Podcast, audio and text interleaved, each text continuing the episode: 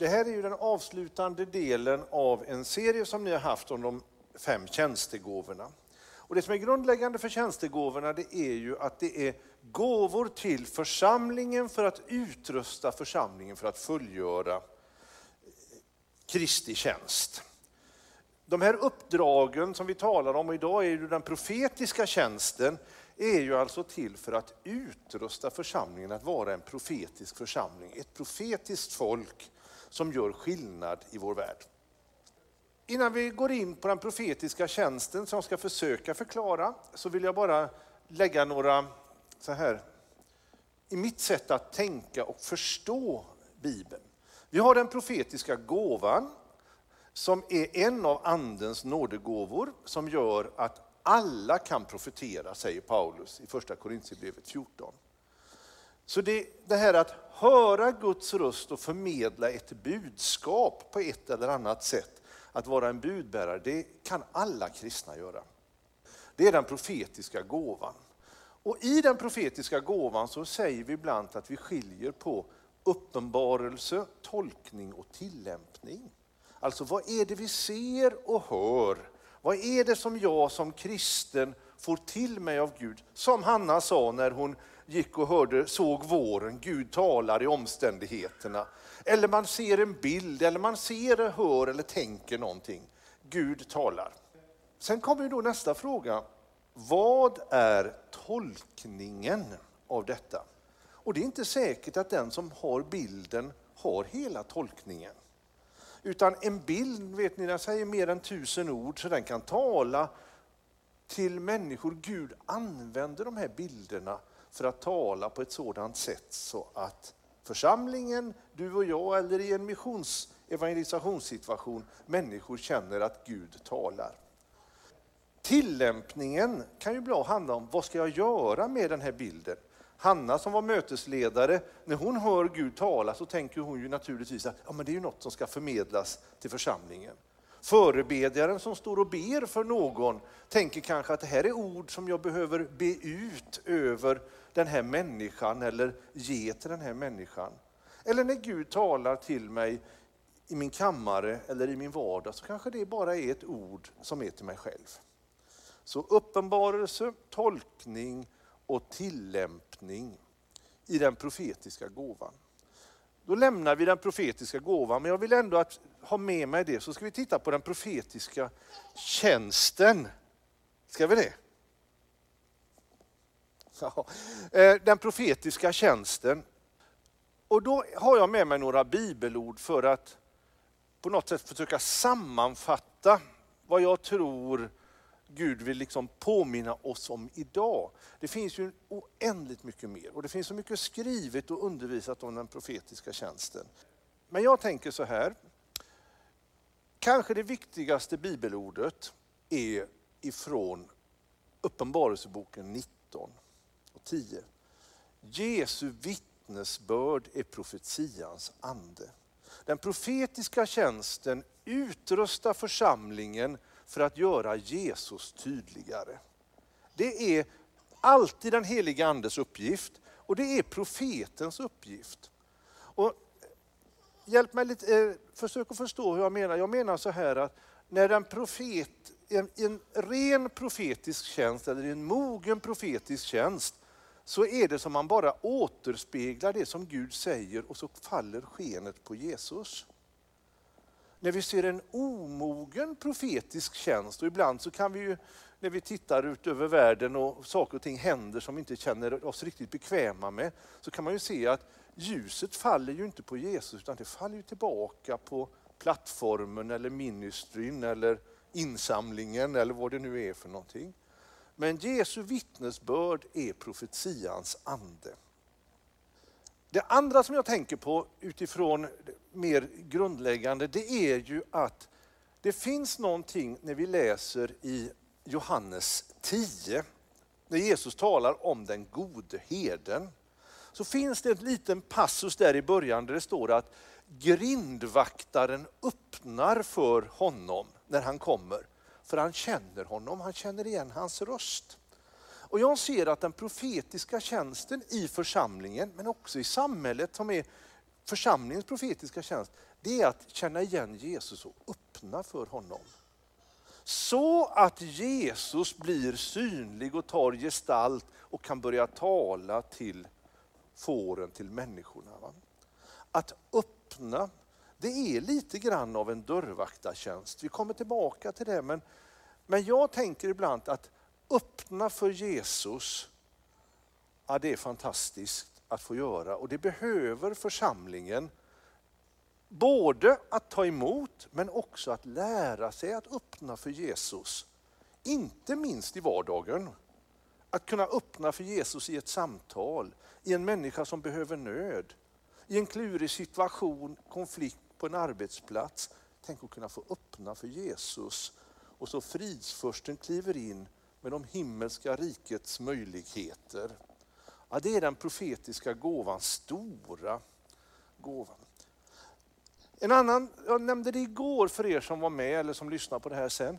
Så, eh, så hemma hos oss så talar vi ofta om att den profetiska tjänsten är en guldletartjänst eller en skattletartjänst. Att se guldet i människor. Jag tänker så här att mycket av det profetiska har blivit att hitta fel. Det finns en sån dimension av det profetiska därför att det profetiska vakar över förbundet och över Guds ord. Men det är en, tror jag, en bråkdel av vad den profetiska tjänsten handlar om. Det handlar om att se vad Gud gör, vad Gud har lagt ner i en människa, vad Gud talar i en mängd ord som kommer. Att vara lite grann den som kan sätta lyset på Guds närvaro och Guds aktivitet att vara skattletare. Det är lätt, jag tänker så här ibland när man tittar på samhällsdebatten. Man behöver inte vara profet för att säga att det går utför och att det är fara och färde och att det skakar i tillvaron och att det finns ekonomiska hot i, som mullrar i bakgrunden eller i horisonten och att klimatet ser ut så. Det kan vem som helst se, tänker jag. Det profetiska är ju att den profetiska känslan ser, var är Gud i detta? Inte som orsakare naturligtvis, men vad är Gud och vad är vi i det skeendet i historien som Gud har uppenbarat? För att utrusta församlingen, för vad är det församlingen ska göra när det mullrar vid horisonten? Vad är det Jesus säger? När detta händer, då ska ni lyfta blicken, för då är min ankomst nära. Är ni med mig att det finns någonting där vi får sträcka på oss, inte för att liksom negligera det som händer som är hemskt, men för att Guds folk har alltid hopp. Vi vet vem som är i kontroll i historien. Vi vet vem som har makten. Vi vet vem som kommer att komma till slut. Vi vet vart vi är på väg. Och där innebär att Guds folk har alltid ett hopp att förmedla till en sargad värld. Och profeten hjälper församlingen att se att inte slå ner blicken, se upp och se vad Gud är och vad Gud gör. När vi läser i Matteus 10 så står det, när Jesus säger det här när han har sänt ut lärjungarna, att den som tar emot er, han tar emot mig. Och så säger han att eh, den som tar emot en profet för att det är en profet, han får en profets lön. Och jag tänker så här, det får ni gärna ha en annan åsikt, men jag tänker så här. I den här tiden så tror jag att Gud uppreser den profetiska tjänsten av det syftet att församlingen ska bli det som Gud har kallat henne att vara, nämligen ett salt och ett ljus i världen. Och är det någonting som världen behöver så är det en lysande församling som är bärare av Guds härlighet och som visar på hoppet och på Guds verk. Därför så behöver vi den profetiska tjänsten och församlingen behöver ta emot den tjänsten för att själva som helhet se och höra. Innan vi går lite vidare så tänker jag också så här, bara så att ni ska förstå hur jag tänker, och det är inte bara jag utan det är många som tänker så, men det har blivit viktigt för mig. Det finns någonting, ni vet att det Gud talar det kommer att ske. Nej, Gud sänder inte ut sitt ord fåfängt, står det i Jesaja 55, utan det vänder liksom inte tillbaka utan att ha fullbordat i alla aspekter det som Gud har talat. Det innebär att Gud har talat löften genom hela bibliska historien, men Gud har också talat löften till er som församling och kanske till dig som person. Alltså, Gud talar löften. Men allt uppfylls inte omedelbart. När vi läser i Bibeln så märker vi att en del av löftena har med hennes historisk situation på Jesajas tid på 700-talet före Kristus.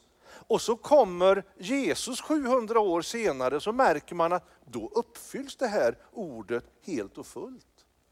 Och en del ord uppfylls inte vid Jesu första återkomst utan talar om hans andra återkomst, hans liksom fullkomlighet när han kommer som kung för att hålla dom i världen.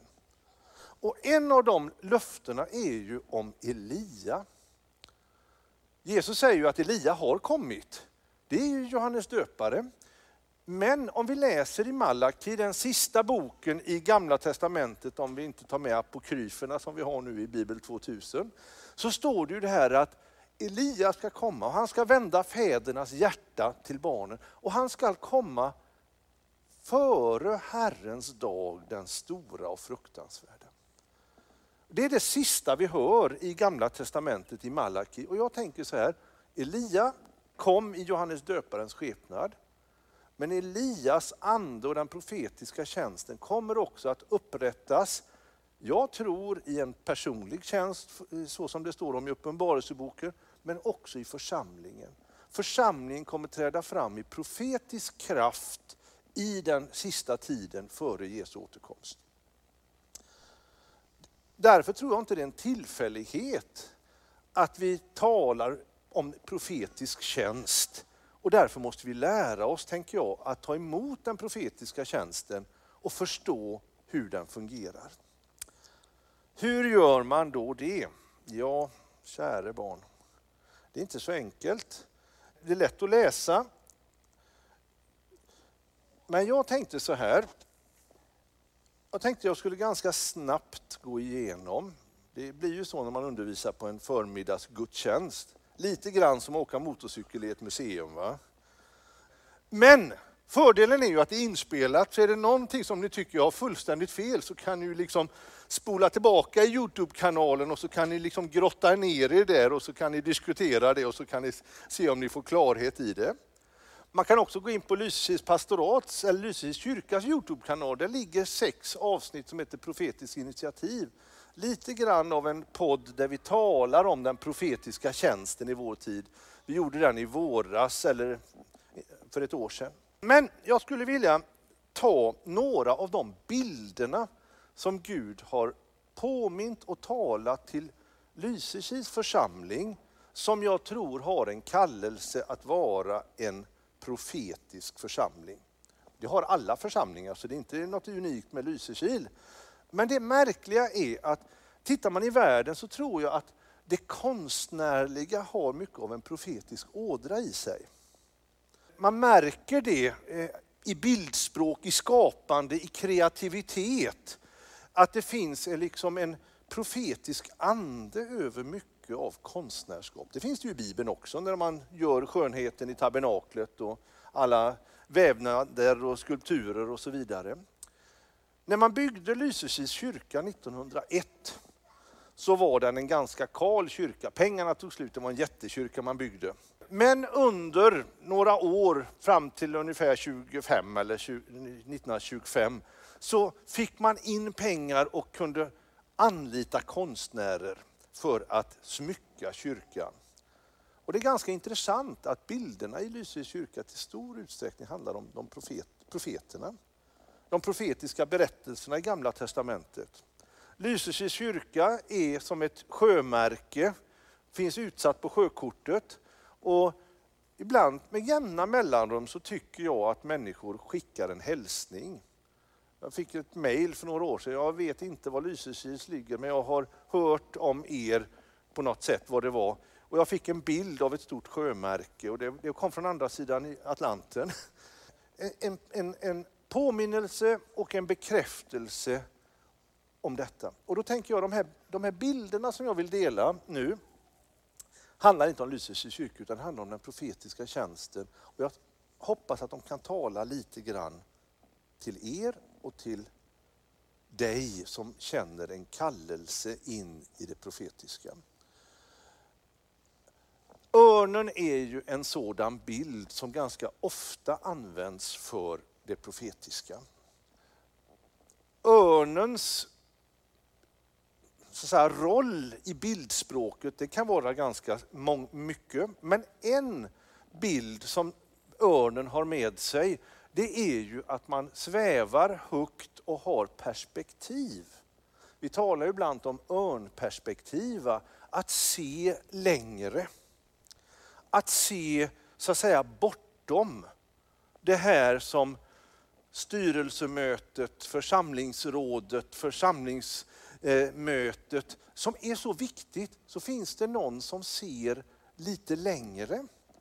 När man då prövar detta och tar emot det, vad händer då? Jo, vi bärs som församling på örnevingar.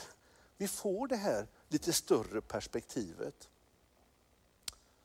Ugglan är också en sån här bild som används för det profetiska, den profetiska tjänsten.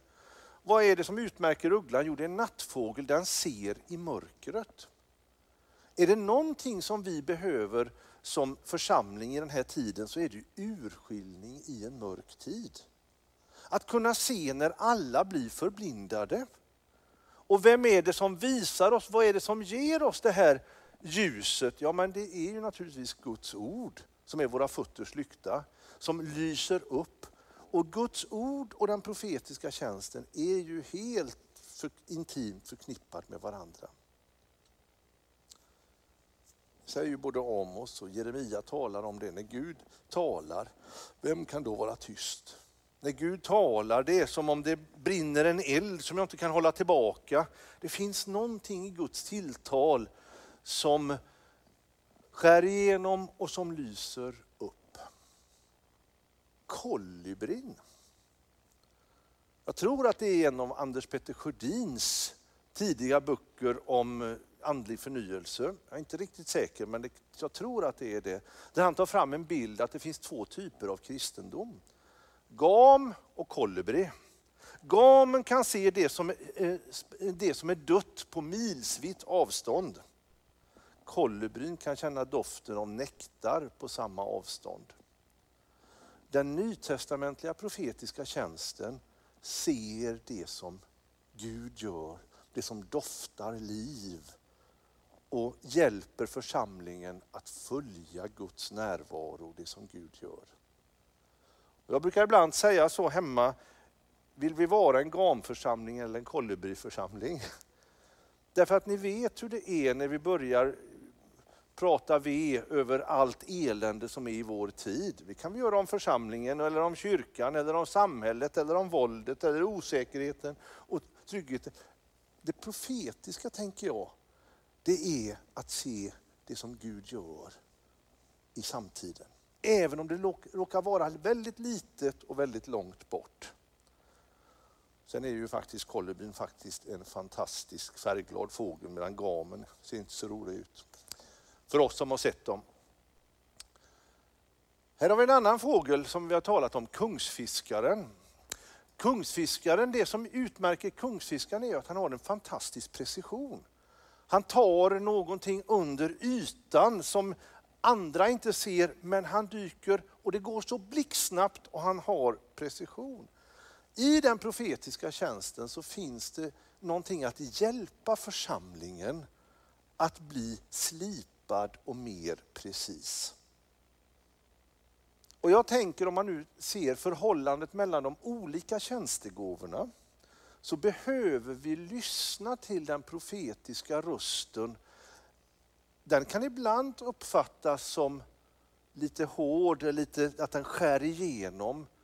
Men vi får vara väldigt varsamma så att vi inte säger nej till den profetiska rösten och på det sättet säger nej till Gud också. Därför att Gud är en helig Gud. Gud vakar över sin lag, sitt bud, sitt ord, sitt förbund.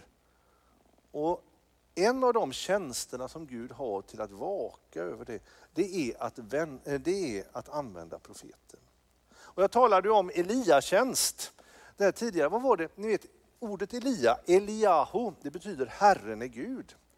Så i en tid när hela folket hade om, eh, omvänt sig eller, eller hade liksom förletts att tillbe ba, Baal.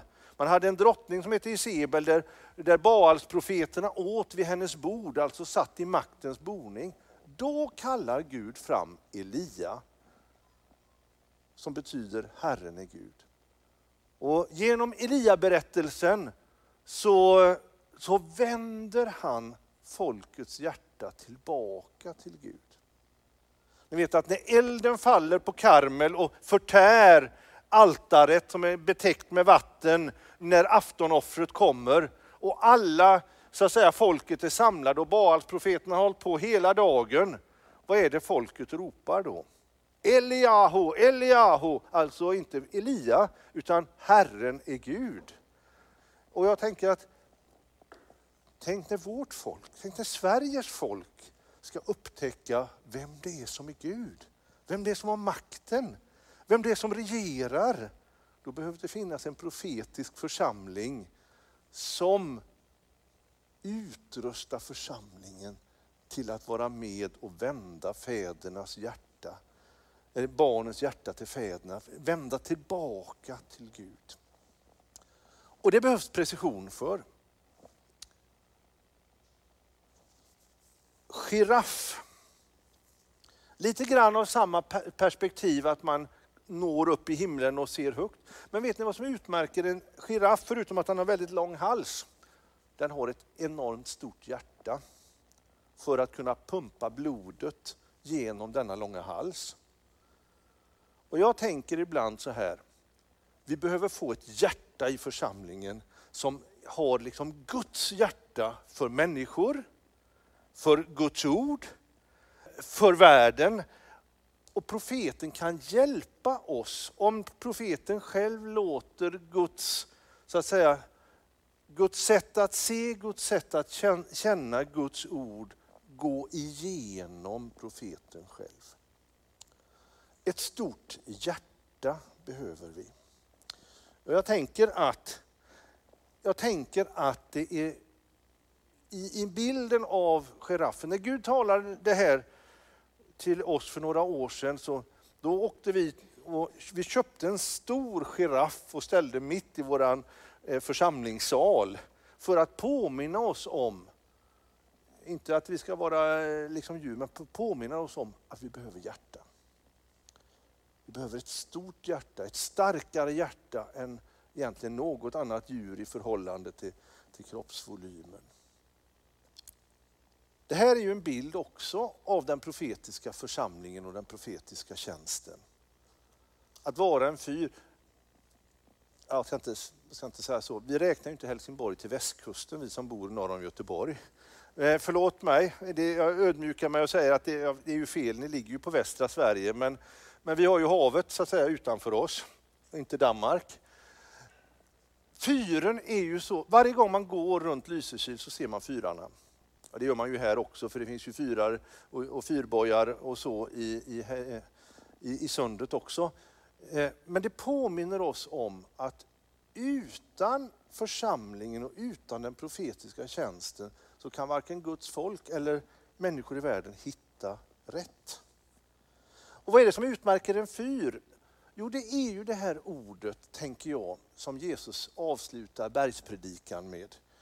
Att den som bygger sitt hus Eh, den som hör dessa mina ord och gör efter dem, han är som mannen som bygger på Hälleberget, på berggrunden.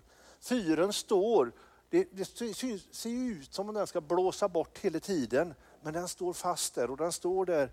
Och vi har fyrar utanför vår, vår kust där som har stått i hundratals år, åtminstone ett par hundra år. Eh, och de står där och de visar vägen. Och ibland så står de där fast det inte är någon sjöfart, fast det inte är någon som frågar efter dem. Men de står där som ett tecken tills det är dags och det blir oväder eller det blir mörker och någon behöver dem. Det är lite grann av församlingens profetiska kallelse och den profetiska tjänsten eh, i vår tid. Här är en annan bild av fyren. Men jag tänker ju så här också att det finns en fara alltid bland Guds folk. Den fanns det bland lärjungarna också. Jesus, kan inte vi få sitta på höger och vänster sida om dig? Är det inte så att vi ska få ärebetygelsen? Nu växer församlingen. Är det inte så att vi gör ett väldigt bra verk? Det kan vi få tycka och det kan vi vara tacksamma för. Jag tror att den profetiska tjänsten, när den är som skarpast, visar hela tiden församlingen att det är Guds ande som vi är beroende av. Vi är alltså beroende av vinden som för oss framåt. Bengt Pleijel, en gammal mentor på Å stiftsgård som är hemma hos Herren nu, som var en av ledarna för eh, kyrklig förnyelse inom Svenska kyrkan, för andlig förnyelse. Ni har hört talas om honom och hört honom säkert många av er också. Han sa i sitt konfirmandarbete eh, ofta så här, det finns två typer av kristendom. Ungefär som det här med kolibri och gam. Han sa, det finns segelbåtskristendom och så finns det roddbåtskristendom. Segelbåtskristendom litar på Guds andes vind och så styr man efter den farled som finns. Roddbåtskristendom, så har man ryggen mot målet och så kämpar man som bara den i egen kraft för att föra båten framåt. Inte genom någon människas styrka eller Gud, eh, skall det ske, utan genom min ande, säger Herren, Sakarja 6 och 4. Det är alltså Guds ande som vi är beroende för, på, av. Och det, jag tror att profet, den profetiska tjänsten påminner oss om detta i församlingen gång på gång. När andra tjänstegåvor ibland blir lite entusiastiska över vad vi förmår i egen kraft, så finns det någon som förstår att man är beroende av Gud. Tänk på Elia igen. Det betyder mycket. Man kan ju studera Elia om man är, har en profetisk tjänst. Innan det hände någonting i Elias liv så kallade Gud ut honom i öknen. Han satt vid bäcken Kerit och han, för sin överlevnad så lärde Gud honom att Gud förser, det är Gud som ger. Sen kunde han gå in i kampen, men han förstod att utan Herren så är jag ingenting. Utan Herren så skulle jag inte ha ens livet. Och den vetskapen och den erfarenheten, den är ju egentligen grunden för hela Guds folks identitet. Ökenvandringen, så att säga dopet. Utan Herren, utan det han har gjort är vi ingenting. Och jag tänker att profeten Eh, och de profetiska bilderna och det tilltalet som finns till församlingen handlar om detta ska gå ner för landning lite grann, men vi ska titta på några av de konkreta funktionerna i det profetiska uppdraget. I de här bilderna som jag har delat så tänker jag, det kanske ger ett tilltal om doften i en profetisk kultur. Alltså hur, hur är det när det fungerar som bäst? Vad är det som händer med församlingen? Och att jag har fastnat vid de bilderna är ju mitt naturintresse naturligtvis. Det är ju det som är lite typiskt med eh, med eh, Gud. Han talar ju igenom oss och våra, vår personlighet och våra intressen. En musiker, ja men Gud talar ju med sånger och toner och textrader. En jägare, liksom, det, blir ju, det blir ju djur hur man än vänder och vrider på det. En kock, så handlar det ju om det som är min vardag, mitt intresse. Det, det är liksom, Gud använder ju det. Det är inte konstigt. Därför vi är skapade av Gud och han kallar fram oss. Jag ska göra dig till människofiskare, säger han till Petrus. Ja, men det hade ju varit meningslöst att säga det till Sackaios som var tullindrivare. Va? Men till Petrus som var fiskare var ju det självklart. Ah, han förstod det direkt. Det profetiska uppdraget, väktare, väktare på muren står det om i Hesekiel 3. Då kan man tänka på väktare på två sätt. Dels är ju den här seriestrippen, vet den här gamen som går uppe på muren och så säger han vid jämna mellanrum, allt är lugnt. Alltså som om man spanade efter fienden. Eh, och naturligtvis finns det en sån dimension av det. Men jag skulle vilja säga så här att väktaren på muren, salig är den tjänare som gör det som han, hans herre har befallt honom att göra och finner honom göra det när han kommer. Jag tänker så här att den profetiska uppgiften det är att spana efter vad gör Herren och rulla ut röda mattan för honom och för det som han gör. Alltså den här grindvaktartjänsten som man känner igen Herren, det måste vi ta emot i församlingen. Och ja, här finns det en spänning som ofta kommer och det måste vi vara medvetna om. Därför att profeten är inte nöjd förrän det är bara Herren. Medans en del av våra andra tjänstegåvor, om man säger så, tycker att lugnet och stillheten, det är gott nog. Vi, vi, vi, vi tål en, en, en, en, att liksom kompromissa lite grann. Jag tänker så många gånger hemma när det har varit så här liksom att vi har gått igenom ett bygge, ett projekt som vi tror att Gud har lett till och så har vi känt så här att nu är vi färdiga. Vad gott! Och så ställer sig någon upp, och, eller några upp och säger, och nu säger Herren att vi ska använda det på det här sättet. Och så tänker vi så här, jaha. Och så blir det en spänning i det här. Men jag tror att väktaren på muren ger sig ingen ro förrän Herren, liksom i allt det som Herren säger. Men tänk på väktarfunktionen som att rulla ut röda mattan för kungen. Spana efter Herren. Och ni har ju hört, han kommer ju till Helsingborg. Alltså han är på gång. På vilket sätt kommer han och hur kan den profetiska församlingen bli porten så att Herren, riket, Kristi rike som det står i er vision, breder ut sig här. Till det behövs den profetiska tjänsten. En del av den profetiska tjänsten var också att smörja till tjänst. Samuel smörjde Saul och, och smörjde eh, David eh, men det var ju också så att eh, profetlärjungen fick smörja Jehu och så vidare. Det finns någonting i den profetiska tjänsten som urskiljer vad Gud, vem Gud utväljer och på vilket sätt Gud utväljer. Och jag tänker så här, ganska många frågar idag, vad är min uppgift? Vad är min plats i Guds rike? Vad har Gud tänkt för mig? Hur ska jag bli som fisken i vattnet? Va? Eh, i det som Gud har tänkt. Jag känner mig inte riktigt på plats. I den profetiska församlingen så finns uppenbarelser som gör att människor förlösts i tjänst som smörjs av Herren. Och nu säger inte jag att det är profeten som ska smörja alla och säga vem som ska vara föreståndare och lovsångsledare och barnledare och missionär där och så. Det säger jag inte alls profeten ska utrusta församlingen så att det finns en uppenbarelsens ande så att församlingen kan tillsammans så hittar vi rätt plats.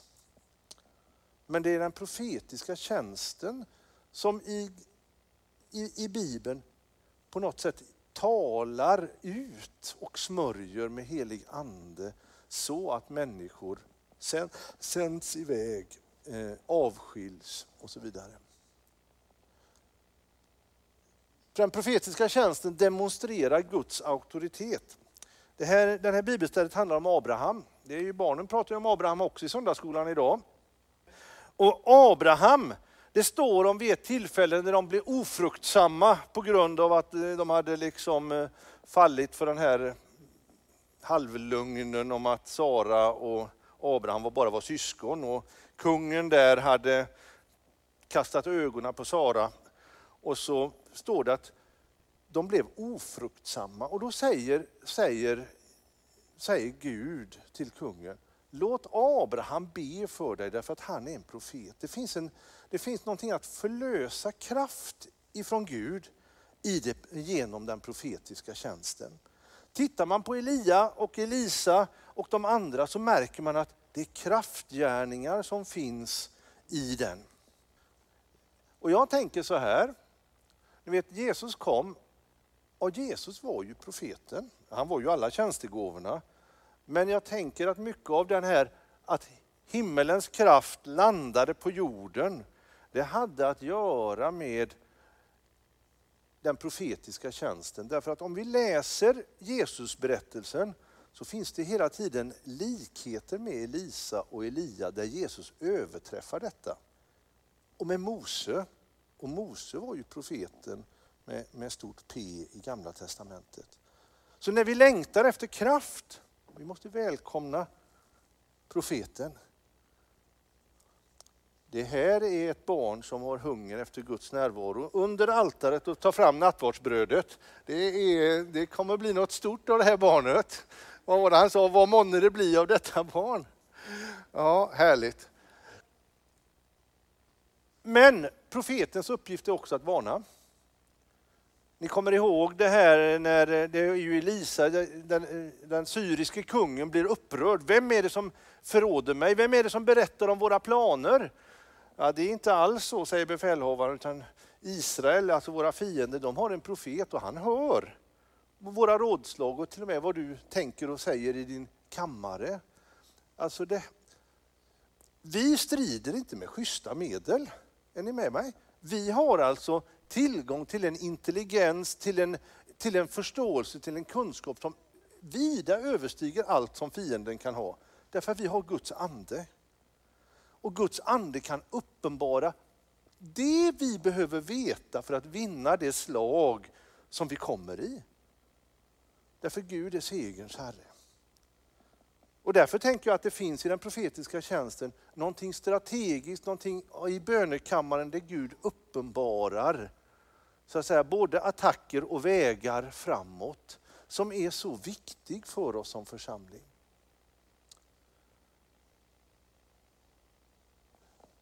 Till sist, uppenbara nya sidor av Gud.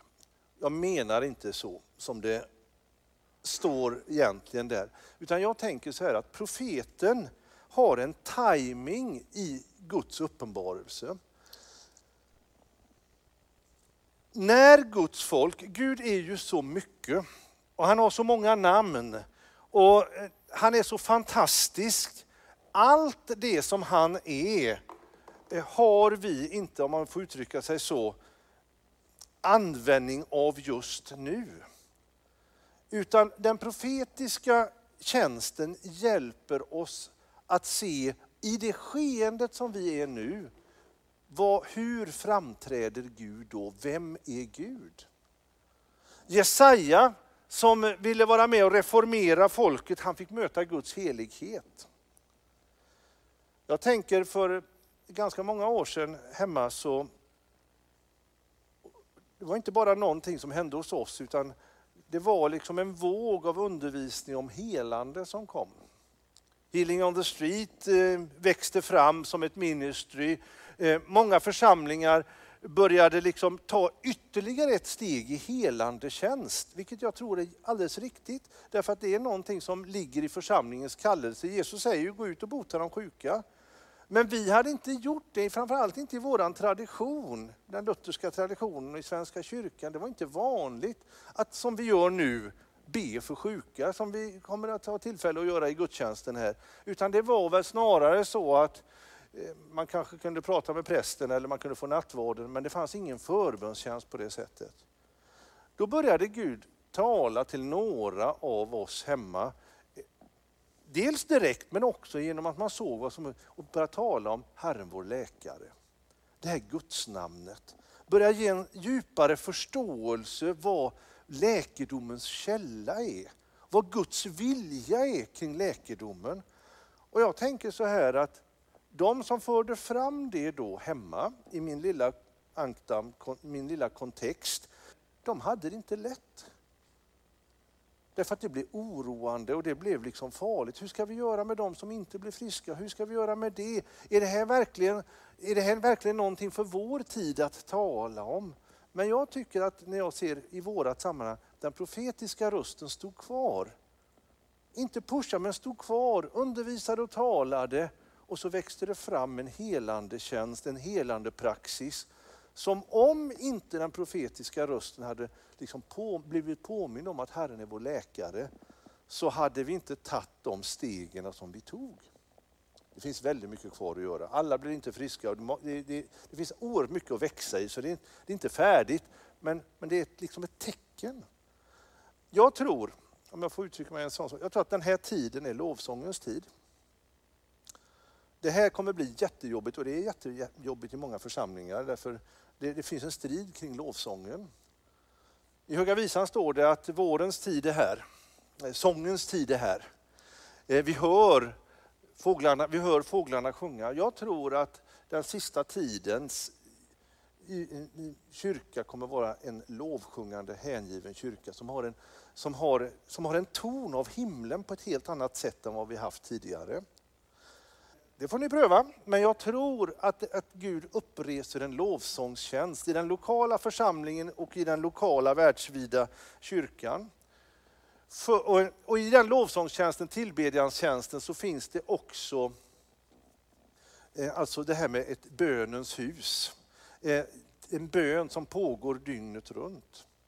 Jag läste för några månader sedan en eh, rapport, jag tror att det var så att år 1999, ta det med en nypa salt, så fanns det tio världen kända sådana här, eh, inte 24-7, utan med bön och lovsång dygnet runt hus i världen, i olika församlingar. 20 år senare så finns det mer än 10 000 platser där församlingen har berett plats, rum, kyrkor där man ekumeniskt gemensamt lovsjunger och tillber dygnet runt, året ut, alla dagar i veckan som en lovsångstjänst, en bönetjänst, nästan en klostertjänst utan att det tystnar. Vad tror ni att det gör för skillnad om det finns en bedjande och tillbedjande församling som ber Säg inte att vi ska göra det i Helsingborg eller i Lysekil. Det är inte alls det jag säger. Jag bara säger att det finns en kallelse till en tillbedjan. Jag tror att det gör enorm skillnad därför att där Herren tillbes, där byggs hans tron och så skingras ljuset. Jag träffade för några år sedan, jag ska sluta där, eh, för det inte blir för långt här. Eh, jag träffade för några år sedan en präst från England, Hela hela människan, eller Heligt genom Kristus, tog hit en förebedjare. Han var exorcist. Han var alltså biskopens representant när det blev okulta saker. Eh, han var undervisade om det här. Han hade stor erfarenhet i, i södra England av människor som hade suttit fast i satanism. Och han berättade så här för oss. Han sa så här. Ett vittnesbörd från satanisterna var så här att de kunde inte utföra sina riter och mässor närmare än sju kilometer från en lovsjungande och tillbedjande och levande församling. Det gick inte. Därför att en levande tillbedjande församling det är ett Herrens tempel. Och ljuset lyser i mörkret och mörkret har ingen makt över det. Ska mörkret skingras i Helsingborg så måste Guds församling tillbe. Be välkomna Guds närvaro och Herren kommer att strida för oss och skingra mörkret. Amen. Vi kan bara be. Herre, tack för att det är en tid när du vänder folkens hjärta tillbaka till dig. Du reser upp den profetiska tjänsten och du reser upp den profetiska församlingen för att vara ett redskap för ditt rike i, denna, i den yttersta av tider. Och vi ber att det som är av dig, Herre, som har tyngd av dig och som talar om dig och den profetiska kulturen. Hjälp oss att välkomna det, ta emot det och formas av det.